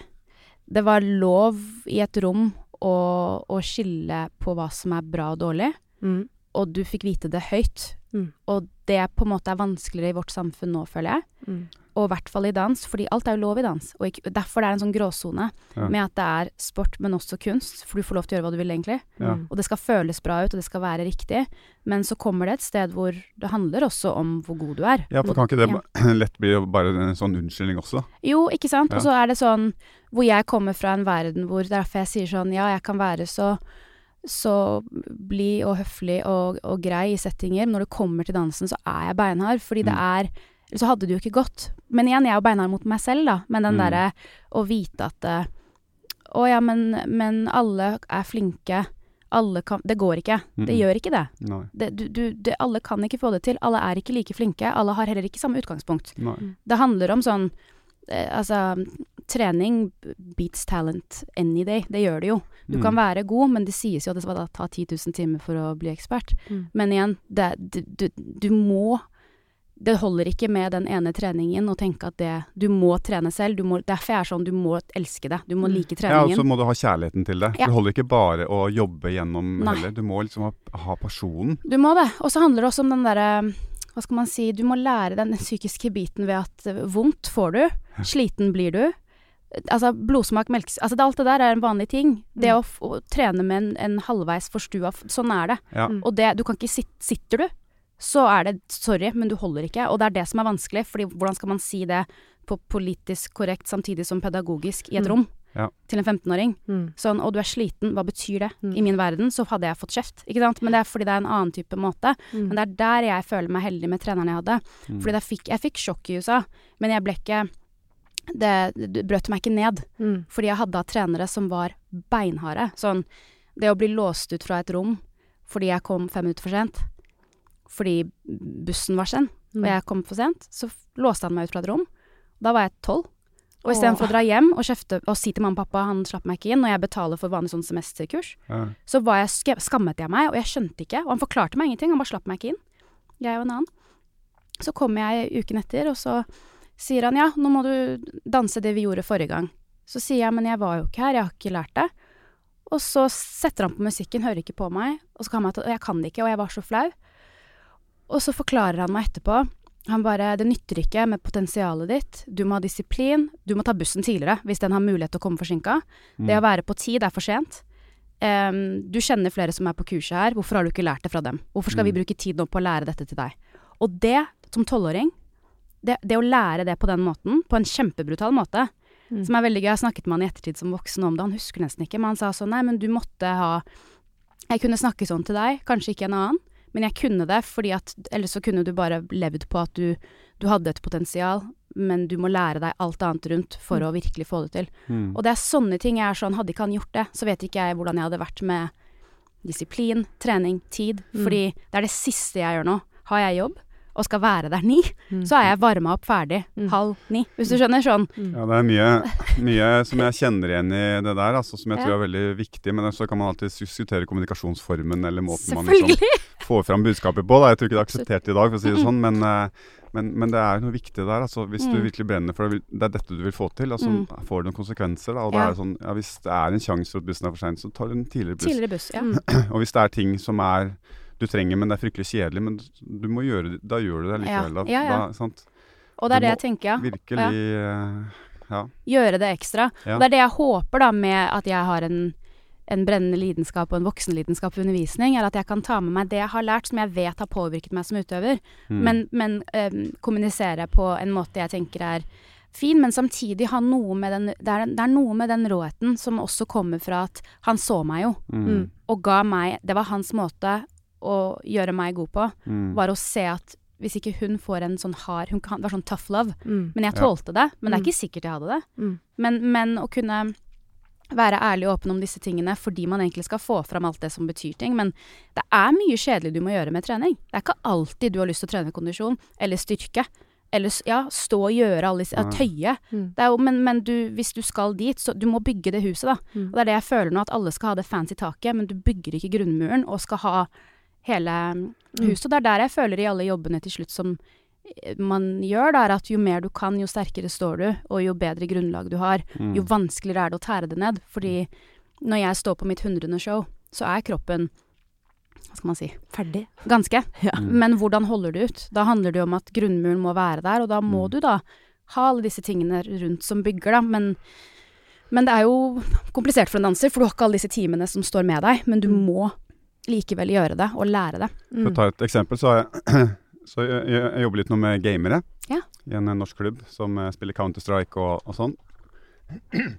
Og de spiller jo, det er jo det de gjør. De sitter jo og spiller ti-tolv timer hver dag, og det, Mm. og det må de for å, for å beherske det. Men så prøver jeg også å komme inn med sånn eh, Hvis dere opparbeider litt snev av eh, fysisk form, altså Komme Mm. litt, litt kondisjon, eh, gå eller jogge en par-tre ganger i uka, litt sånn, så vil det gjøre at dere er bedre forberedt til å kunne eh, Sitte så lenge. ja, som ja. spille enda mer Ja. og få Ja. mer ut av det.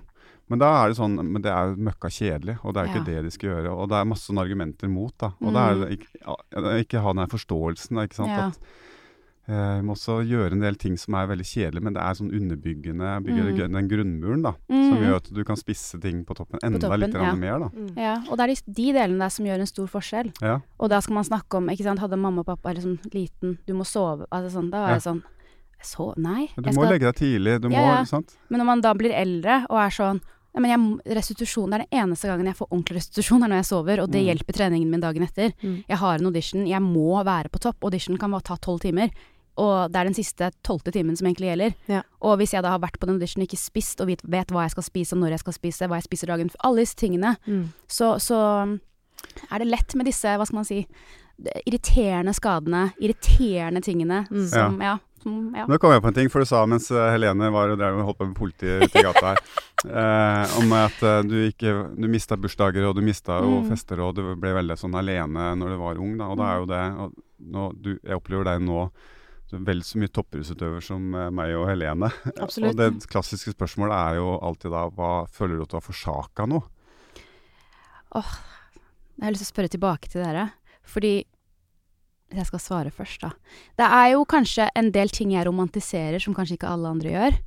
Litt sånn å, man har vært på jentetur, og man har holdt håret til venninna mens hun har gjort det. De har alle de historiene, eller Ja. bursdagene og alle kjærestene de har hatt opp igjennom som jeg ikke helt har møtt eller vet hvem er, eller husker ikke. Jeg har ikke vært med på historiene. Eh, men så har jeg et helt annet liv som jeg aldri ville vært foruten.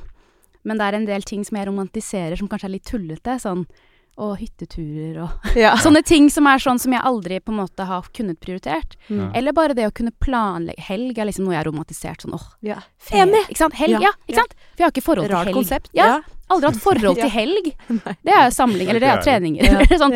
Det er det man gjør. Og den derre å, fredag Når jeg har til, vært mye mer i Norge nå, fredag klokka fire føler man. Det er helt rart. Ja, det er fredagstacoen. Ja, ja. Og så eh, traff Altså, alt føles ut som en fredag, mens jeg kan ha fredag på en tirsdag, og, ja, som dere også har hatt. Men Ja. så er kanskje det at jeg kanskje ikke forsaka noe. Det har kanskje gjort at jeg bare romantiserer litt ting som ikke kanskje alle andre gjør, for at Mm. livet mitt har sett så annerledes ut. Mm. Men eh, så er ting jeg tenker nå framover i livet mitt, som jeg syns blir fint og viktig, da, det å kunne være en, en venninne. Det å kunne Ja. være til stede. Altså sånn jeg kan være en noen kan ringe. Sånn, For det har jeg aldri kunnet, for jeg kan ikke være der. De vet at jeg er på andre siden av kloden. Hva skal jeg um, hjelpe til med? Bare jeg husker jo ikke så lenge siden hvor en venninne Jeg sa til henne sånn Nå er du oppe i masse flyttegreier, vær så snill ring meg hvis du trenger noe. Og på den tiden kjørte hun ikke bil. Så ringer hun meg halv Nei, ti. Og jeg sa, nå sitter jeg egentlig og spiser et eller annet og skal styre med et eller annet jobb. Så sier hun Mona, det her er kanskje veldig sent, men du sa det var greit at jeg ringte. Har du mulighet til å kjøre meg til Ikea? Jeg satte meg i bilen på to minutter. Jeg bare, ja, selvfølgelig kan jeg det. Det kan jeg være med på. For jeg har aldri kunnet være en venninne på sånne ting, så jeg vet ikke om Ja. Det, men, det er så, så godt å høre. Men det sier så mye om deg som person òg, for det er jo veldig sånn lett å tenke da at alt, alt det moro man har gått glipp av sjøl. Men Mm. så sitter du og sier det du savner mest, er at du ikke har kunnet vært der og kunne bidra. Ja. Det er jo en helt, uh, helt annen måte å tenke på, som jo er helt Og det er jo sånn du snakker om liksom, undervisning nå. Er det, er det Ja, jeg blir rørt. Eh, Men er det det å eh, Altså, hva er eh, grunnen til at du liksom har så mye energi og motivasjon i undervisningen? Og er det fordi at du vil lage toppdansere? Eh, eller er det det at du liksom vil være den personen, eller er det en bland begge deler? Jeg tror det er en blanding. Fordi jeg, jeg tror at toppdansere, da, da må man nesten separere det, for det er en helt annen måte å trene på.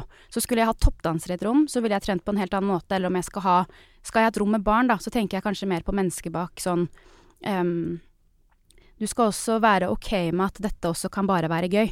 Mm. Lidenskapen din kan også handle om at du elsker dans, men det er ikke det du skal gjøre Mm. som arbeid, som kontorarbeid. Det Mm. er ikke for alle. Mm. Det kan være du skal ha en helt annen type um, arbeidsform, og så skal du ha dansen. Så det viktigste for meg med undervisning blir vel å gi de det de, det de skal ha. Mm. mm. Og forhåpentligvis en dag kunne undervise på den måten òg, hvor jeg kan se ok, deg, du har et potensial, du Mm. vil også nok. Mm. Deg kan jeg trene på en sånn måte. Det er spennende. Du må kanskje Ja, for det er jo kjempegøy. Ja. Og jeg tenker jo selvfølgelig skal du gå Hvis det er noen der ute som skal gjøre det jeg gjør, så er det på en måte um, Jeg har ikke en fasit, Mm. men jeg, jeg har mye å ti, altså, gi, da. Mm. Um, og på samme måte med lidenskap òg, nettopp fordi jeg fortsatt i en alder nå, og etter så mange år som utøver, har Det er det jeg fortsatt blir drevet av. Altså, jeg hadde aldri holdt ut Hollywood. Aldri. Mm. Det er bare tull, holdt jeg på å si. Det er veldig, veldig fint og alt det der, men det er så brutalt du får det. Ja. For Hollywood, man kan tro det er Altså, det er palmetrær, det er fint og alt det der, men det er Mm. også det som er det mest brutale, hardeste jeg har vært borti, fordi det er så ærlig. Mm. Altså sånn Så jeg hadde nok prøvd å, å, å dyrke dansere som fortsatt får realiteten av hva, hva de går til, Mm. men samtidig bygge den lidenskapen og elsk for dans. Mm. Mm. Fordi det mener jeg uansett, hvis du først skal gå dansing og vil gjøre det, øh, og satse, da. Har det vært greit for familien din alltid at du liksom har gått den veien? Har det vært naturlig? eh, Faktisk, ja. Ja. Selvfølgelig. Mm, mamma og pappa, ja. Ja. Utover, som besteforeldre, der tror jeg det Men det har jeg full forståelse og respekt for. Det å forstå at det er noe du kan leve av, og det at yrke Altså sånn Det Ja. har så lite nåløye. Det å forklare 'jeg skal nå satse dans', 'jeg har blitt Mm. signa', 'jeg skal flytte', og 'jeg skal prøve' Det blir veldig sånn Men det er jo utrygt. Det er ikke riktig. Mm. Hva skal du Dette går jo ikke. Men har, du møtt hatt noen fordommene? sånne, ja, har du hatt noen sånne brutale opplevelser? Med hva da? Med Nei, med altså sånn eh, Prøve å komme inn i det nåløyet, da, i Hollywood, eller altså Har du hatt oh, ja. noen sånne Å ja, ja da. Ja, det var det? Der borte, ja. Ja. Gud, jeg har blitt spist opp.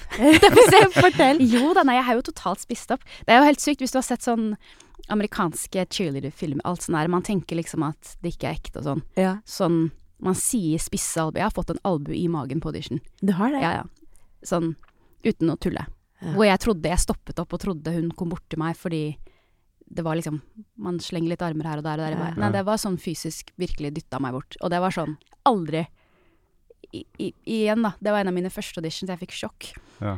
Men, men det, igjen, det er sånn skjer, og, og jeg velger å tro at hun ikke gjorde det med vilje, ikke sant. Men, det å være på audition nå, det må jo være så utrolig sårbart. Vi har snakket om det litt før, og Thomas, det der at liksom, tilbakemeldinger sånn Vi har snakka om det hele dag, vi og Mona. Ja, dere har kanskje Ja. det? Ja. Nei, altså, tilbakemeldinger får du jo ikke. Nei. Du får ikke noe Du får det bare nei eller ja? Du får bare Ja. Du får bare Ja. Det som er, da, som er veldig brutalt der borte Nå er det, det er bra du spør, for at jeg glemmer litt at det er ikke sånt man alltid vet. Um, du får aldri noe sånn 'du burde gjøre det og det'. Nei. Nei, nei, de har ikke tid til det. Hvis du har 800 jenter, du, ikke sant. ja, det blir sant, mer sånn Du får bare ja på mail av agenten din hvis du får det, eller blir oppringt. Ja. Men i studio får du bare nei. Ja. Men en av mine første er faktisk aller Nei, nest, nest første. Min andre audition. Ja. Da kom jeg inn, jeg husker vi var kanskje 500-600, og så blir vi stilt på rad og rekke. Eller først da, så står jeg i studio, så eh, splitter dem opp. De sier Det er helt sykt. Dette har jeg sagt før en- gang, men det er helt sykt å si høyt. Nå hører jeg. Jeg er blitt så vant til det. Men da var det sånn OK, white girls i det hjørnet, black girls, latinos and asians. Ja. Og så er jeg sånn Hæ? Ikke sant? Og i, i Norge så snakker vi jo mye Vi er jo vi, vi, em, Det er et privilegium, men veldig ofte i Norge så vet vi hvilket land vi kommer fra. Mm. Sånn om jeg er halvt marokkaner, halvt norsk, eller Ikke sant? Mm. Mens, mens der pga. historie så vet man ikke alltid. Så man blir veldig, blir snakket veldig mye om farger. Mm. Som var veldig nytt for meg, å lande og være sånn ikke hvor er, jeg, jo, hvor er du fra? Norge? Ok, men, men ok, hva er du? Mm. Så jeg, nei, jeg er halvt marokkaner, halvt norsk. Ja, det, er du svart og hvit? Og så er jeg sånn, hæ? Snakker man sånn? Så kommer jeg plutselig på audition, og så skal man bli delt opp i på akkurat den måten. Asians, white, black, latinos, liksom. Mm. Og så står jeg i midten, og alle bare forsvinner i hjørnene, og så er jeg sånn, jeg vet ikke hvor jeg skal gå. Og så står jeg der da, som hun teite nordmannen, og er sånn, I don't know where to go. Så jeg er sånn, nei, du, du ser latino ut, og så er jeg sånn, det er ikke i nærheten av hva jeg er. Mm. Så den identitetsgreia er jo noe jeg Hadde du inntrykk av at det betydde noe hvilken gruppe du havna i der, eller? Nei, jeg, jeg var litt sånn, men nå på en måte som menneske står jeg og er sånn Ok, jeg passer jo ikke inn noe sted. Sånn, jeg står her og har identitetsspørsmålet som 19-20-åring, og allerede så kommer jeg til USA, og så altså allerede i Norge, det å være fra eh, eh, en brun jente på Eiksmarka var jo heldigvis Jeg hadde veldig, veldig fin barndom, men identitetsspørsmålet har jo alltid vært der. Mm. Så kom jeg med dansingen, da handler det ikke om hvordan jeg ser ut, det handler bare om dans. Så kom jeg til USA, så handler det veldig om hvordan jeg ser ut. Mm. Og så, og så blir jeg spurt på hvilken fargeklasse jeg skal gå. Altså blir jeg helt forvirra. Mm. Så går jeg med latinosene, da. Og så steller de, har vi sånn nummer, og så steller de bare 20 og 20 oss på rekke. Husker jeg så godt det var et bord med fire stykker, og så kommer det en dame og en mann ved siden av oss som ser oss sånn her, og sier yes, no, no, yeah. Bare det. Før dere dansa. Før, vi vi har ikke dansa, vi har ikke rørt på oss engang. Jeg, er- jeg har varma opp, jeg liksom er klar. Og igjen, det var på den tiden jeg bare kom i treningsklær. Jeg visste ikke at Mm. man skulle være camera ready. Jeg fortalte litt om det, at det er sånn man må komme. Ikke sant? Ja. Kunne ikke noe om det her. Nei. Kommer inn i treningsklær og har liksom matcha og sånn. Ja. Har lilla oppe, lilla nede. Tenker at jeg liksom har pynta meg. Ja. Og jeg så jo ikke ut i forhold til de andre. Og så får jeg bare no, uten å ha dansa. Og det å være 20 år da og få nei, og det første som jeg får sånn Å, jeg er stygg, ikke sant. Det er den typiske. Mm. ja. Og jeg står der og bare sånn Jeg får ikke danse engang. De vil ikke se meg danse, så stygg er jeg. Og det Den var sånn eh, OK, nå handler det plutselig om Virkelig ikke bare agentene sier 'å, du må kanskje ta på deg sånn, gjør sånn, lær deg elevator presentation'. Nå var det plutselig sånn Gud, jeg ser ikke ut, jeg, må, jeg, jeg får ikke lov til å være her og, tre, og lære. Og det ikke jeg visste på den tiden, at det er noe som heter typecasting. Som betyr at selvfølgelig i en produksjon, hvis du leter etter en jente blå øyne 100, altså 1,70 høy, ja, ja, selvfølgelig, ja. så har ikke jeg noe der å gjøre. Nei. Men når jeg ikke vet noe om dette, og står der og kun får nei, Mm. så jeg gikk tilbake til bilen min og var sånn Nei, hva skal jeg gjøre? Må jeg? Må jeg bli penere, da? Eller hva skal jeg gjøre? Ikke sant? Alle de Mm. tingene. Um, så det ble veldig sånn hardt møte med realiteten at, at siden jeg ikke visste det, og fikk, jeg tror ikke jeg skjønte hva typecasting var før et år etterpå. Mm. Og da syns jeg det var fantastisk, for slipper jeg å kaste bort tiden min Mm. på å være et sted ikke de trenger Mm. det jeg gjør. Mm. Men jeg måtte lære det the hard way, da. Med å forstå at sånt, sånn er det her. Du får nei uten hvorf hvorfor. Men nå får du jo masse ja, da. Hva, hva liksom hva hva, du, Drar du fortsatt på audition? Når du skal danse altså når, Nå er du ferdig, eller når du har vært med Justin Bieber, liksom. Det er så sjukt. altså, er- må du på audition da? Nei. Nei. det. Nei. Da er du liksom family? Ja, med han så er det jo veldig tett, på en måte. Ja. Um, men det, han har jo vært med så lenge. Men jeg har faktisk ikke vært på en audition på mange år nå. Det har jeg ikke. Nei. Så jobbene jeg har gjort, har vært, har vært direkteboka. Ja. Men det tror jeg nesten i alle yrker også, er den tillitsgreia. Tror jeg det blir e- etter hvert. Du har opparbeida deg en Ja. som vet Mm. hva, hva Mona står for, og hvem av Ja, Mona ja. Og hvis de vil ha meg, så er det meg de spør, og det setter jeg jo stor pris på. Men, men eh, jeg tror jeg også nå i den hvor jeg er i karrieren min nå, så er nok jeg også ganske sær med hva jeg vil gjøre. Mm. Hvis jeg kan si det nå, på en måte. Mm. Fordi nå handler det om Er du flinkere til å si nei? Og, og det var stort for meg. Den første gangen jeg sa nei til noe av det største jeg egentlig drømte om, så sa jeg nei. Mm. På grunn av at det ikke passet. Jeg ville noe annet. Da magefølelsen. sånn, Nei. Nei, uff, nei, gud. Jeg får helt får litt vondt av å tenke på det. Nei, men bare det å føle det i kroppen min, at nei, det, det vil jeg ikke nå. Ikke fordi det er noe feil med rundt, men det er så mye annet som skal stemme for meg. Ja. Fordi jeg har gjort det så lenge og setter jo pris på det, men sånn Da handler det om så mye om sånn Hvem var det du sa nei til? Nei, det kan jeg ikke si. Men, men har du blitt så erfaren eh, og moden og voksen etter hvert at du kan gå Hvis du skal jobbe med en artist, og du ser at eh, altså, du, Kan du gå bort og si 'hei, jeg ser at du prøver, men eh, jobb hardere', eller 'prøv å gjøre sånn her'? Altså, jeg kan tenke det, men jeg sier det ikke høyt. Nei. Med mindre personen spør. Ja. Jeg sier det ikke høyt, jeg holder meg langt unna, Ja. men jeg kan tenke mye. Hva er det største Hva er det største jobb Eller liksom Ja, største jobben, kuleste jobben, beste jobben du føler at du har gjort? Åh, det er et godt spørsmål. Nei, jeg tror det er litt delt. De turneene jeg har gjort, som har vært lange, de har vært fantastiske nettopp fordi det er den derre Ikke bare bekreftelsen, men også hvor, mye jeg har fått lov til å utfordre meg selv Mm. ved å være så lenge og gjøre samme show så og så mange ganger. Og det å utfordre på 180 eller ha 280 reisedager i året, og virkelig kjenne på kroppen er helt utslitt. Hvordan skal jeg klare å være 100% Hvor du lærer fort at 100 i dag er ikke det samme som for to dager siden, f.eks. Eller Ja. man lærer veldig den derre utholdenheten og hvordan kroppen funker da. Men eh, det er turneene. Det at jeg, jeg har virkelig hatt en karriere hvor jeg har vært lenge med, med de fleste jeg har jobbet med, som jeg har satt veldig stor pris på. Mm. Men jeg tror nok det er to shows som kanskje var veldig store for meg. Den første var min første VMA med, med Chris Brown, hvor vi var fire jenter, og jeg tror kanskje 14 gutter. Og det var min aller første jobb i LA, hvor det var altså Chris Brown på den tiden Jeg var 20, han var 21. Altså, Det var et helt sykt show, og det å stå der og kjenne på den følelsen Så husker jeg så godt at jeg sto Var på trening, det var dagen før. Og det var det som jeg nevnte i sted med at i min, mitt yrke så har du ikke jobben før du har gjort den. Ja. Fordi mye kan skje. Du kan plutselig miste jobben, plutselig føler de deg ikke. Eller så er det det at ja, budget cuts og sånne ting. Så får jeg mail av agenten min. Hei, Mona, ring meg med en gang. Og så får jeg telefon fra henne, og melding. Og så er jeg sånn, agenten min pleier ikke å ringe, si det. Så jeg var sånn, å nei, nå mister jeg jobben. Nå er det et eller annet som har skjedd. Så prøver jeg å si til meg selv, jeg liksom kvinner meg opp og er sånn, vet du hva. Hva enn som skjer nå, så er det ikke meningen. Du må bare, da lærer du av det. Ikke tenk på det. Så når jeg får en pause etter vi står og terper og terper, så går jeg ut, og så ringer jeg henne, og jeg er forberedt på at nå får jeg sånn nyhet. Så får jeg beskjed at um, nå, eh, koreografen og Chris ønsker at du skal være med på turné. Du starter treningene dagen etter er. Du har ti dager på å lære deg hele turen. Du skal på turné et og et halvt år. Og da var jeg sånn.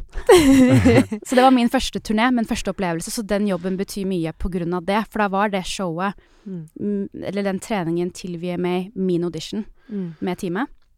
Um, men, men, hvordan er deres, eh, eller din eh, turnéhverdag? Fordi jeg har også reist 250 dager i året, sant? Og, mm. og, alle spør liksom du må ha opplevd eh, Du har vært verden rundt og opplevd vanvittig mye fint. Sånt, så det er sånn Nei, det er jo det er flyplass, ja. og det er bussen, og så er det hotellrommet og en ja. skistadion. Og that's Akkurat it. sånn. Det er sånn. Det er, sånn ja. ja. det er det. Det er noen dager vi er heldige fordi um, scenen må shippes. Og da kanskje vi får en ekstra fridag, fordi scenen tar litt tid å komme. Ja. Mm. Og da kanskje vi har litt tid, men da handler det veldig mye om sånn vi er så slitne. Ja. At det ofte blir sånn restitusjonsdag eller treningsdag eller eh, finne et eller annet Altså fysioterapi, altså hva enn man kan. Så prøver jeg så godt jeg kan å se byen jeg er i. Men det er, mm. det er, no, det er noen byer jeg kan ikke si at jeg har vært der engang. Det har bare vært innsiden av arenaen og flyplassen. Mm. Så det er samme. Ja, Vi har ikke vært i byen engang, vi har vært i bortgjemte dalstrøk. Dalstrøk, ja. Ikke sant? I høl. Nitrist egentlig, da. ja, men det er, det er, jo det. Og det er det, for det ser så glamour Altså sånn alle, alle våre tres liv på det man deler, snakker glamorøst. om, glamorøst ut. Fordi mm. man er på ja, Man reiser, man henger, man Og det er da man får delt bilder òg. Nå, i den vår verden, den eneste gangen man deler bilder, er jo da. Ikke fra hverdagen hvor man står på trening klokka to på natta eller driver og styrer eller pakker. det er jo det vi egentlig vil se, på en måte. Men da driver du med annet, så da har du ikke tid til å drive og blogge. Nei, nei, nei, da jobber man jo. Ja, da jobber man jo. Men jeg fikk ikke spurt dere, jeg er jo kjempeinteressert i dere òg. Føler dere at dere forsaket noe? Gjennom deres eh, ungdomstid og karriere og alt det dere også har måttet gi opp? Jeg kjenner meg veldig igjen i det du sier med liksom det å måtte være en del av historiene til mm. de eh, rundt meg. Men samtidig så kjente jeg jo ofte på at eh, når jeg kom hjem, så hadde ikke så mye forandret seg. Mm. Eh, mm. så jeg følte aldri Jeg fikk jo gjøre det jeg helst ville gjøre. Mm. Så det var jo sånn eh, Ja, du har alltid en liste med ting du har lyst til å gjøre, men jeg fikk gjøre det jeg hadde mest lyst til å mm. gjøre. Så jeg mm. følte ikke at jeg ofra noe. Nei. Jeg gjorde ikke det, altså. Eh, jeg elsket jo. Altså, det er jo et mm. kjempeprivilegium å få lov til å drive med det man har mest lyst til. det er det. Og det å liksom ha den derre utømmelige eh, gnisten på å bare liksom gå ut og bli bedre og bare ja. bam, bam, bam, det savner jeg jo kjempemye i dag, liksom. Ja. Så ja. Ja, det er jo mitt Hvis jeg skal kunne bringe noe til uh, viktig til ungdommen fra mine erfaringer og mitt liv, så er det jo nettopp det. da, altså Har du en drøm, mm. følg den til det, ikke, til det stopper, liksom. Mm. For det mm. er så mye glede og verdi i det. Og læring i det, og det er så mye ja. bra i det. Så har du en drøm, følg det. Og det er det jeg har gjort også. Mm. Jeg var jo skiløper, og det er ganske sånn konservativt og, mm. og streit. Altså, jeg var jo ikke den kuleste fyren, liksom. Det var ikke meg som sto øverst på, på gjestelista når det var hjemme aleine-fest, for å si det sånn. Men jeg føler ikke jeg har gått glipp av noe, eller forsaka noe. For jeg, altså, jeg hadde jo bare lyst til å skape noe mm. og ha utvikling. Mm. Så jeg ville gjort akkurat det samme i dag. Ville mm. valgt samme retning, da. Ja. Og så Altså, jeg har lyst til å bare i, si en uh, ting. Vi må snart runde av. Du har ikke hørt den så lenge, men uh, vi har holdt på lenge her. vet du. Fader, altså. Som, som, jeg tror gjør deg glad. fordi en av de viktigste tingene for meg når jeg var guttunge, som, jeg, som ga meg inspirasjon, var dans og ballett. Oh, ja. Og da var jo, den gangen var jo ballett og turn uh, var på TV, så jeg satt mm. veldig mye foran TV og så ballett. Ja. Og så ikke fordi jeg var så opptatt av dansen og hvem som dansa mm. og hva de dansa, men jeg elska å studere bevegelsene mm. og kraft, retninger, og se hvordan de løste forskjellige ting. da. Ja. Og så henta oh, ja. jeg inspirasjon der, så tok jeg det med i teknikkarbeidet. Oh, ja, så min det? viktigste læring for teknikk i langrenn, det er ballett. ballett ja. mm. oh, og det er også et råd jeg har til unge i dag. Studer ballett, studer mm. dans, mm. og bevegelsen i dans, for det mm. kan du ta med ut i skiløypa. Overalt. Å, så gøy! Å, det ante jeg ikke. Ja, det er så moro. Ja, det er ganske likt. Ja. Så men, det, men, det, betyr ikke at jeg kan danse, for å si det sånn. For det har jeg bevist. Nei, men du, er, har jo du har vært tøff, da. Jeg har jo aldri hatt noe forhold til dans før jeg var med på Skal vi danse. Og nå er jeg sånn Jeg føler at jeg bare gikk glipp av det, på en måte. Men elsker, nå elsker jeg å danse. Og jeg, jeg, finner masse nå inspirasjon i dans. Jeg ser på dans hele tiden. Ja, du gjør det. Ja. Så bra. Og hvis det er jo det, jeg må høre på det, fordi du sa du hadde to eh, to sånne main-opplevelser. Eller sånn at det var den ja. første, og så den andre. For hvis det er noe jeg bruker, hvis jeg liksom skal bygge meg opp eller noe sånt, mm. da ser jeg på liksom Beyoncé, Coachella altså, ja, ja. Dere jobb, altså Danserne bare er bak der, jobber bare mm, bedre hver dag. Mm. På en gang til, liksom. Da kjenner jeg liksom på den derre huh, Der har jeg lyst til å være. Ja. Den andre var Superbowl for meg. Mm. Men det tror jeg også handler om hva det betyr, fordi en artist Det er sjelden en artist gjør Superbowl, fordi det er så um, Det er nesten sånn etter du har hatt karrieren din, så gjør de Superbowl, omtrent. Mm. Ok. For det er nesten sånn merittgreie for de også. Ja. Uh, så Timberlake, som var, på en måte har vært kjempestor, men det er ikke nå han har hatt storhetssiden, storhetssiden sin, Mm. uh, gjorde jo Superbowl i 2018. Og det, det å være med på det, og være med også når en artist uh, er så nerve... Det er helt sykt å være med på. Og det er en 360 svær greie å trene en måned med en Du merker hele intensjonen i hele systemet er at dette betyr så mye. Det er sånn kanskje en artist gjør en gang i sitt liv. Mm. Og der du føler det på alt rundt. Ja.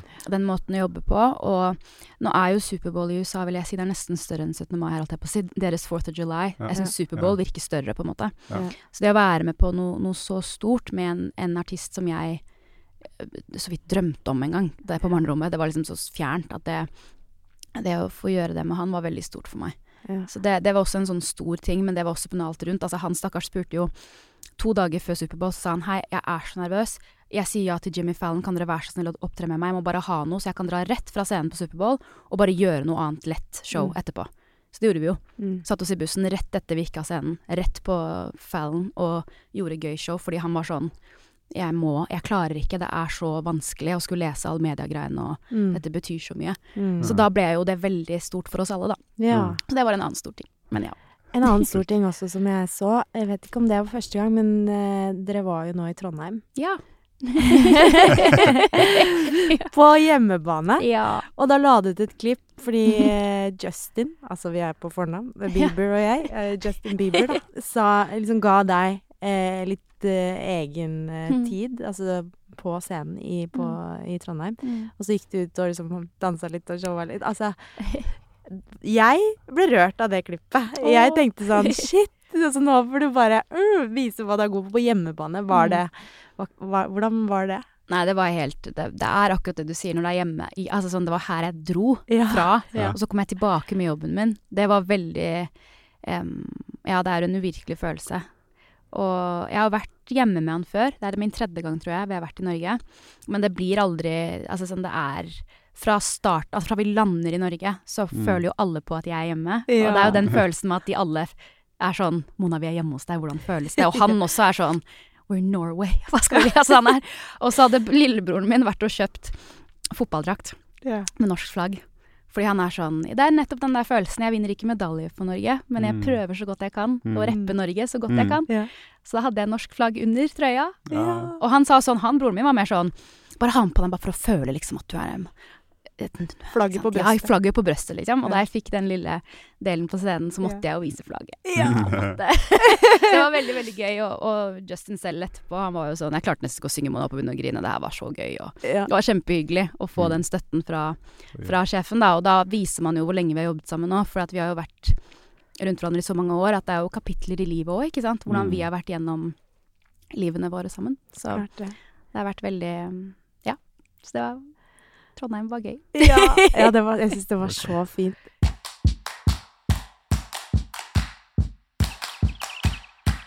Jeg har, så, jeg har så mye jeg lurer på, liksom. Bare Ja, sånn jeg har jo mer, òg. Ja, du har det? Ja, Ja. Kan jeg få ett spørsmål til? ok. Du får ett til det siste. Du kommer sånn på halv tolv og bare med, Altså, jeg Ja. jobba for å komme hit i dag. Det Ja, det er jeg sant. bare si. Det har du. Men du, jeg har kjøpt wienerpekan til deg.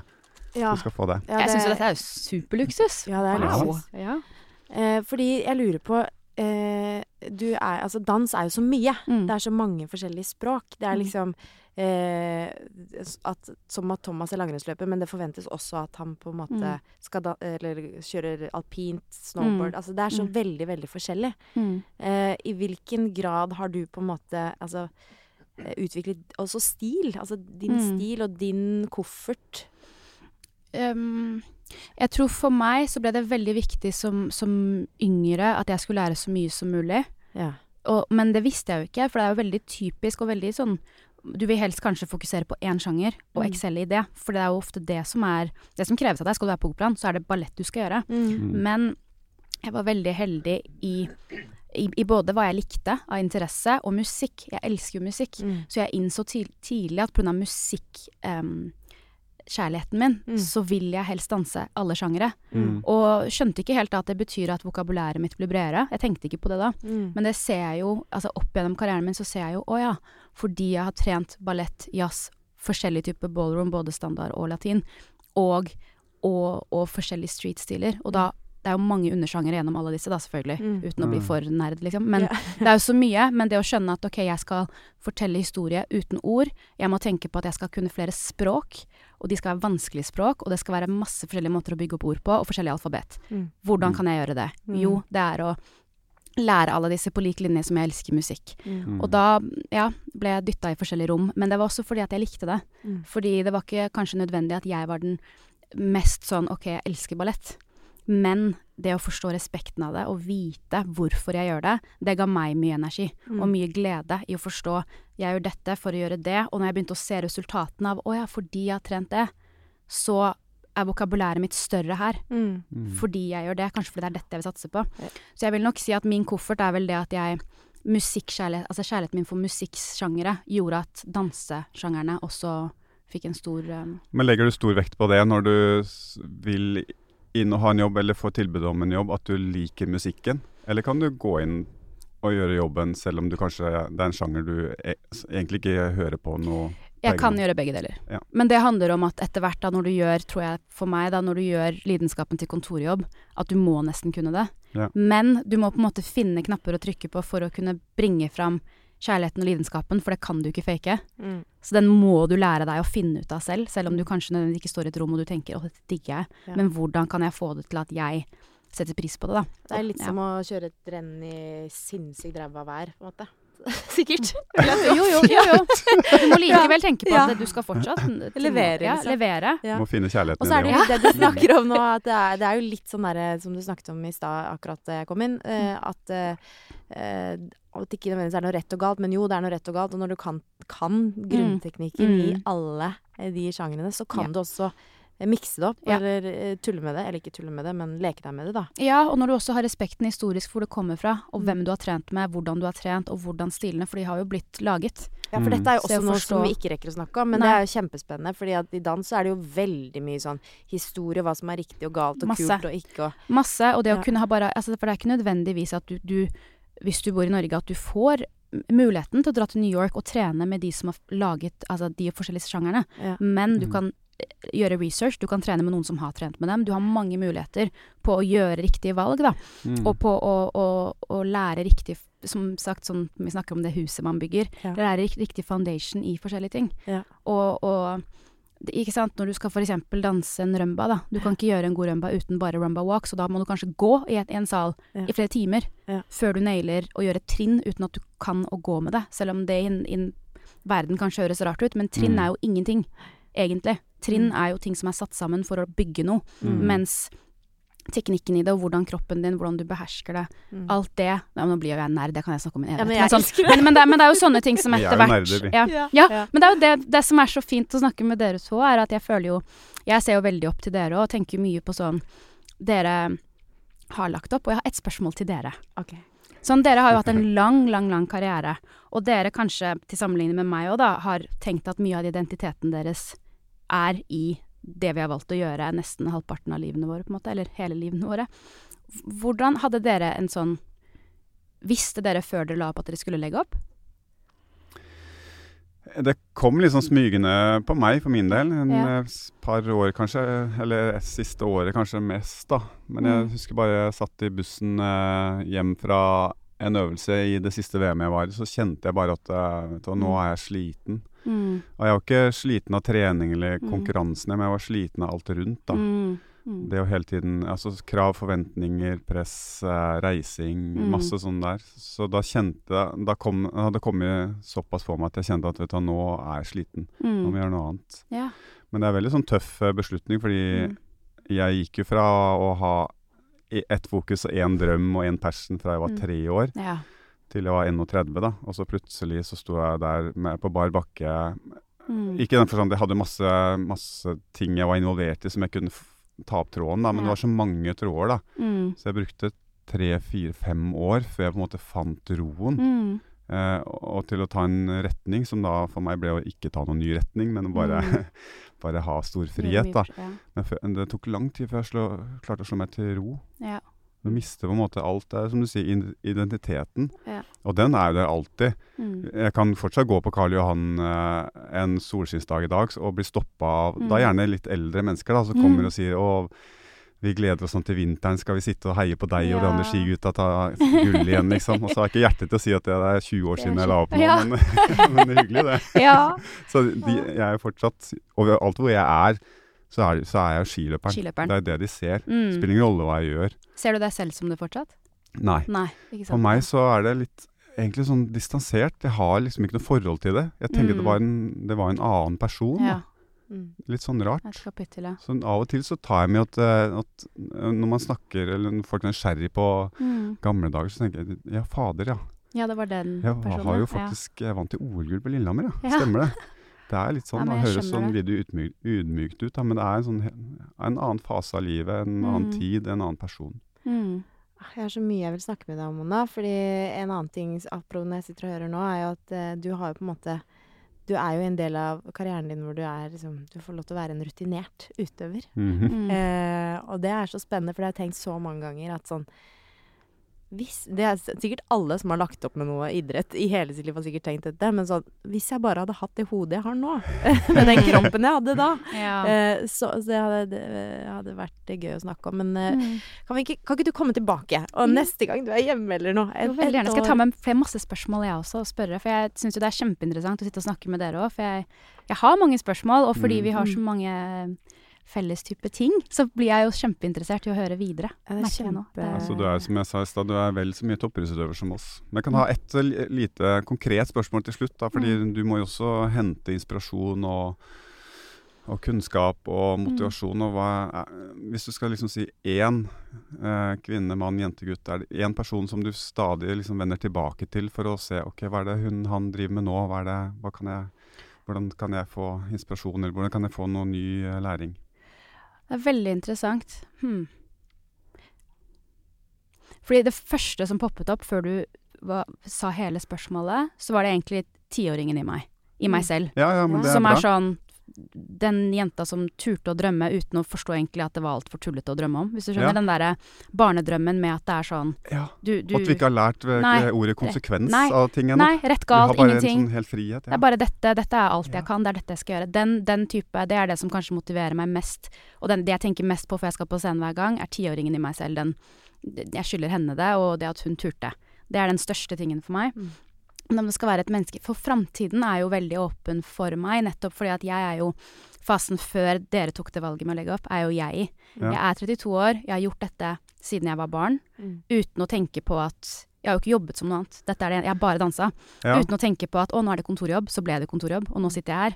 Så den følelsen av å vite at uh, det kapittelet kommer til å ta slutt fordi jeg etter hvert vil noe annet, Ja. er litt skummel. Men, men den kommer jo, så jeg sitter jo og tenker sånn framtiden kan være hva som Skal jeg si mitt råd til, Ja. uh, an, til uh, idrettsutøvere som er 30, 31, 32, 33 år og vurderer å legge opp? Det er at uh, eh, har du fortsatt gnisten og lyst, kjør på. Fordi Mm. det er fortsatt mer enn nok av tid til å bli Mm. dritlei fast jobb og A4-liv. Ja. Ja, Tro meg. Ja. Det er fint råd. Ja. ja, er ja. Siste konkrete spørsmål. Har du blitt OG? OG. OG? Er ikke det som man er sier? Jo.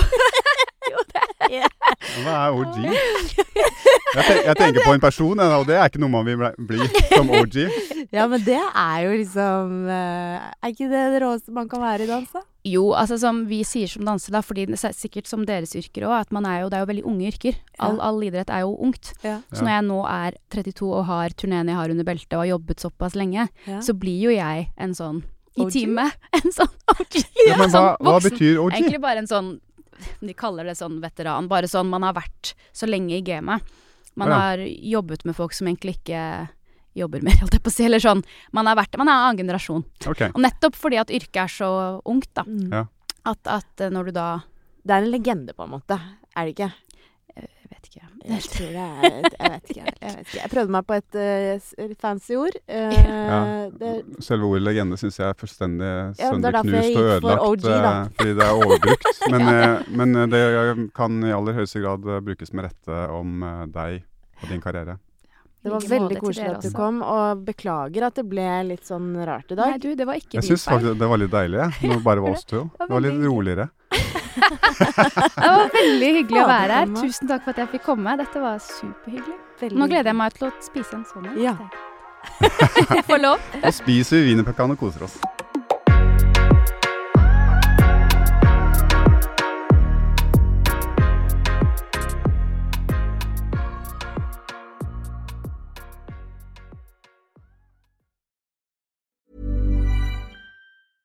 Cool fact a crocodile can't stick out its tongue. Also, you can get health insurance for a month or just under a year in some states. United Healthcare short term insurance plans, underwritten by Golden Rule Insurance Company, offer flexible, budget friendly coverage for you. Learn more at uh1.com.